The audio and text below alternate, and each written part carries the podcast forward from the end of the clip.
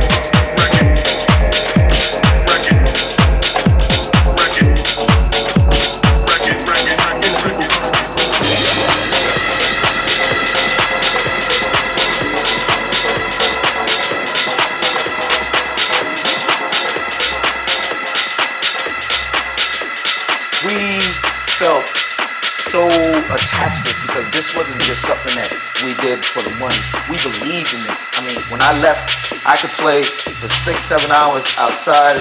And when I came home, I set my turntables up and I played for another six, seven hours. You know what I'm saying? That old real shit.